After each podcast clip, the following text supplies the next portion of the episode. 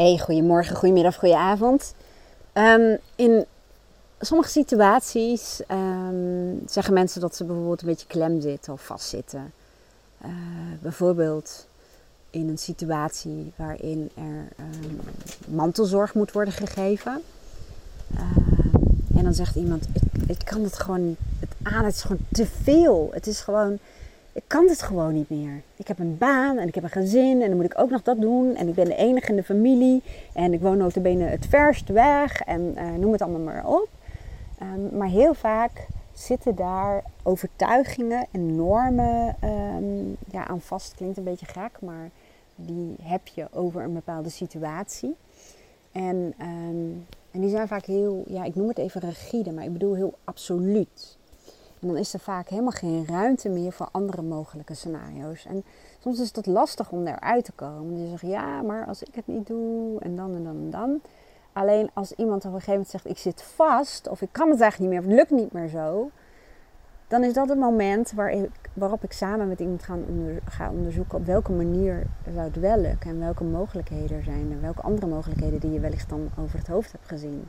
Um, maar dat is ook iets wat je jezelf bijvoorbeeld, en daarom neem ik deze podcast op, zou kunnen vragen. Als er iets is, um, ik hou het even bij het, de situatie waarin iemand op welke manier dan ook een beroep doet op jou. Of dat nou is, kan ik morgen even langskomen om dit en dit? zou je me zaterdag willen helpen met? Uh, nou, ik noem maar eventjes wat. En je merkt bij jou weerstand. En dat is vaak wat, wat optreedt. Het komt niet uit of pff, je hebt er maar geen zin in of whatever. Um, maar het kan ook zijn dat je denkt, ja, op zich uh, wil ik best wel wat doen. Maar niet dan of niet dat. En dan helpt het om jezelf uh, vragen te stellen. Ik ben sowieso een groot voorstander van om jezelf vragen te stellen. Maar um, ja, als je voelt, ik wil bijvoorbeeld wel wat doen of wel wat afspreken. Stel jezelf dan vragen op welke manier zou het wel werken. Op welke um, bijdrage kan en wil ik wel leveren. Je maakt al een verschil door uh, uit de reddersrol te gaan. Wat, wat vaak um, uh, een issue is in dit soort situaties. Uh, niet altijd hoor, maar door niet te denken in dat jij het moet oplossen. Of jij het moet regelen of jij het moet doen. Maar dat je meer gaat zitten in van oké, ik wil best wel wat doen, ik wil wat betekenen, ik wil wat bijdragen, maar dat je voor jezelf helder krijgt van, maar wat is dat dan? Wat zou, ik noem dat altijd afgestemd voelen. En afgestemd bedoel ik mee dat het afgestemd is op jouw persoonlijke waarden. Dat het en voor jou goed is en voor de ander goed is. En misschien wil de ander wel meer, dat kan. Maar dat je wel uh, trouw bent ook aan uh, jezelf. Um, een belangrijke vraag die ik heel veel mensen ook altijd meegeef is de vraag waar heb ik behoefte aan?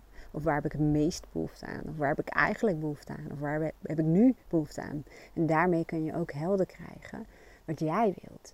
En dan kun je bijvoorbeeld ook voorwaarden stellen. En dan, dan kun je nog steeds zeggen, ik uh, voel aan, of ik weet dat het een waarde is, ik weet dat het voor mij belangrijk is om nu wel iets te doen. Hè. Soms zeg je, nee, ik zou eigenlijk helemaal niks willen doen, dus een ander verhaal, andere podcast.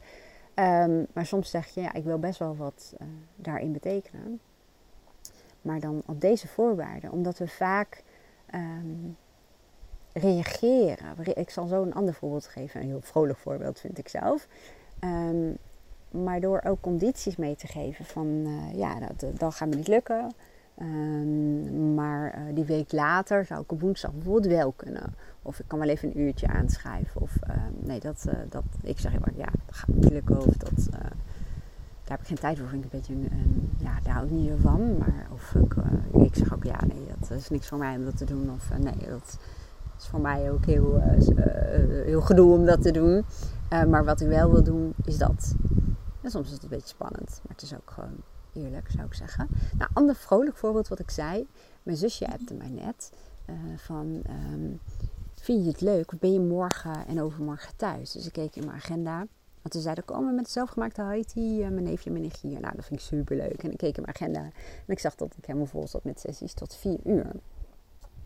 En, um, maar heel vaak reageren we primair op iemands verzoek en dan gaan we kijken of het kan. En op dat moment dacht ik, oh ja, ik probeerde me een, scenario voor te stellen waarin zij dan bijvoorbeeld om een uurtje of uh, kwart over vier, half vijf zouden komen. En dan tea en uh, eten. En ik nog even wat administratie. Ik denk, nee, dat voelt helemaal niet goed. Het voelt, voelt veel te krap. En um, dat is het moment waarop ik denk, ik vind het zo leuk. Ik zou het gewoon graag willen en ook op korte termijn. Maar dan ga ik kijken, oké, dan ga ik een voorstel doen van, uh, nee, dan uh, wordt het gewoon heel erg krap. Ik vind het een superleuk idee, maar hoe zit je op die dagen? En dat betekent eigenlijk dat je, um, ik, ik heb, in Amerika hebben ze het heel vaak over reaction of uh, respond.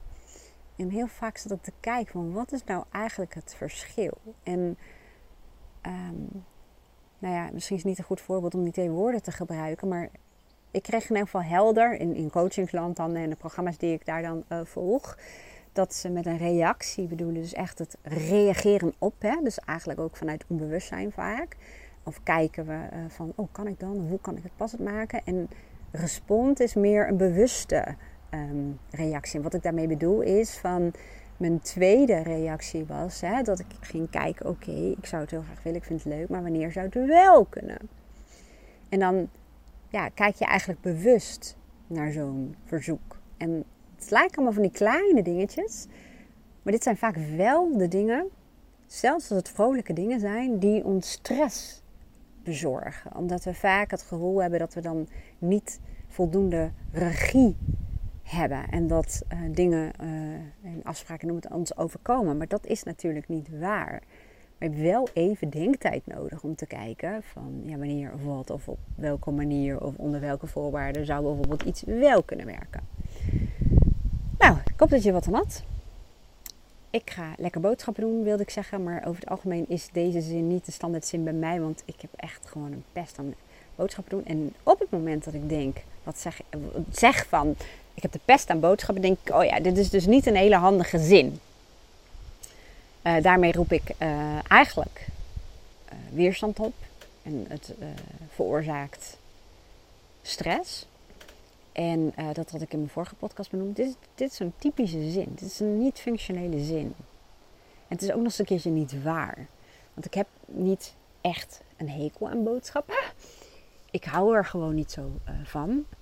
Um, en dat is ook weer, hè, dit refereert eigenlijk aan mijn vorige podcast. Van, ik stel mezelf dan de vraag op welke manier um, nou, zou het wat leuker kunnen zijn.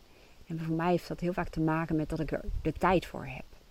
Ik ga zo naar een Turkse supermarkt en dat vind ik dan wel leuk, want het ruikt daar vaak allemaal lekker naar kruiden. En ik kan lekker eventjes kijken naar alle groenten en fruit en neem ik mee. En als ik dan uh, vervolgens even naar de Albert Heijn ga en even op mijn gemak de dingen uitzoek, dan is het nog steeds niet mijn hobby. Maar doordat ik dan de tijd ervoor neem, gewoon rust en er andere gedachten over heb. Want op het moment dat ik dat scenario eigenlijk uh, met je deel, dan krijg ik andere emoties. Omdat ik dan denk, oh ja, dan heb ik lekker even um, allemaal ingrediënten gehaald voor de receptjes die ik voor deze week heb uitgezocht. Dat is een volgende zin die je normaal gesproken niet uit mijn mond hoort komen. Maar mensen kunnen veranderen. En nou, dan zie ik een beeld dat Aaron en ik uh, uh, lekker aan het eten zijn. Dat ik lekker rustig aan het koken ben. En uh, nou, dat ik het leuk vind om met rust te koken. Ik zei eerder ook altijd dat ik pesthekel had aan koken. Nou, dat bleek ook niet helemaal waar. Maar dat de voorwaarden of de condities, ehm, die waren gewoon voor mij niet passend. En als ik meer de ruimte en de tijd heb, dan vind ik het wel leuk. En als de receptjes op um, video worden uitgelegd, dat snap ik ook gewoon veel beter. Nou, en dan merk je dat je dingen een heel andere betekenis kunt geven. Nou, daar ging deze podcast eigenlijk helemaal niet over, maar uh, dat kwam even zo te sprake. Dan zie je ook zo hè, hoe snel je automatische zinnetjes eruit gooit. En wat het effect is, als je uh, de, zinneren, de, zinnen, de zinneren, de ja ik wil soms twee woorden uh, fuseren, maar uh, dat zal de dikker van Dalen alleen nog maar dikker van worden. Maar door zinnen ja, bewust even te onderzoeken en te veranderen, en dat, hetzelfde geldt dus ook voor je gedachten, merk je echt dat dat effect kan hebben, een positief effect op je gevoelens en je emoties. En ook op je gedrag. Want je kunt je voorstellen dat als ik met de gedachte, ik heb een best hekel aan boodschappen, boodschappen doen, dan gaat het wel snel, snel, snel, en irritant. En als ik zeg van, uh, nee, boodschappen is nog steeds niet mijn hobby. Maar ik vind het fijn om gezond en lekker eten, uh, lekker te koken en mooie ingrediënten te zoeken. En vanavond lekker met Aaron uh, te gaan eten. Um, en ik ga daarvoor even op pad. Krijgt dat een heel andere lading. Nou, dat kun je natuurlijk met heel veel situaties in je leven doen. Nou, nu ga ik echt. Doei!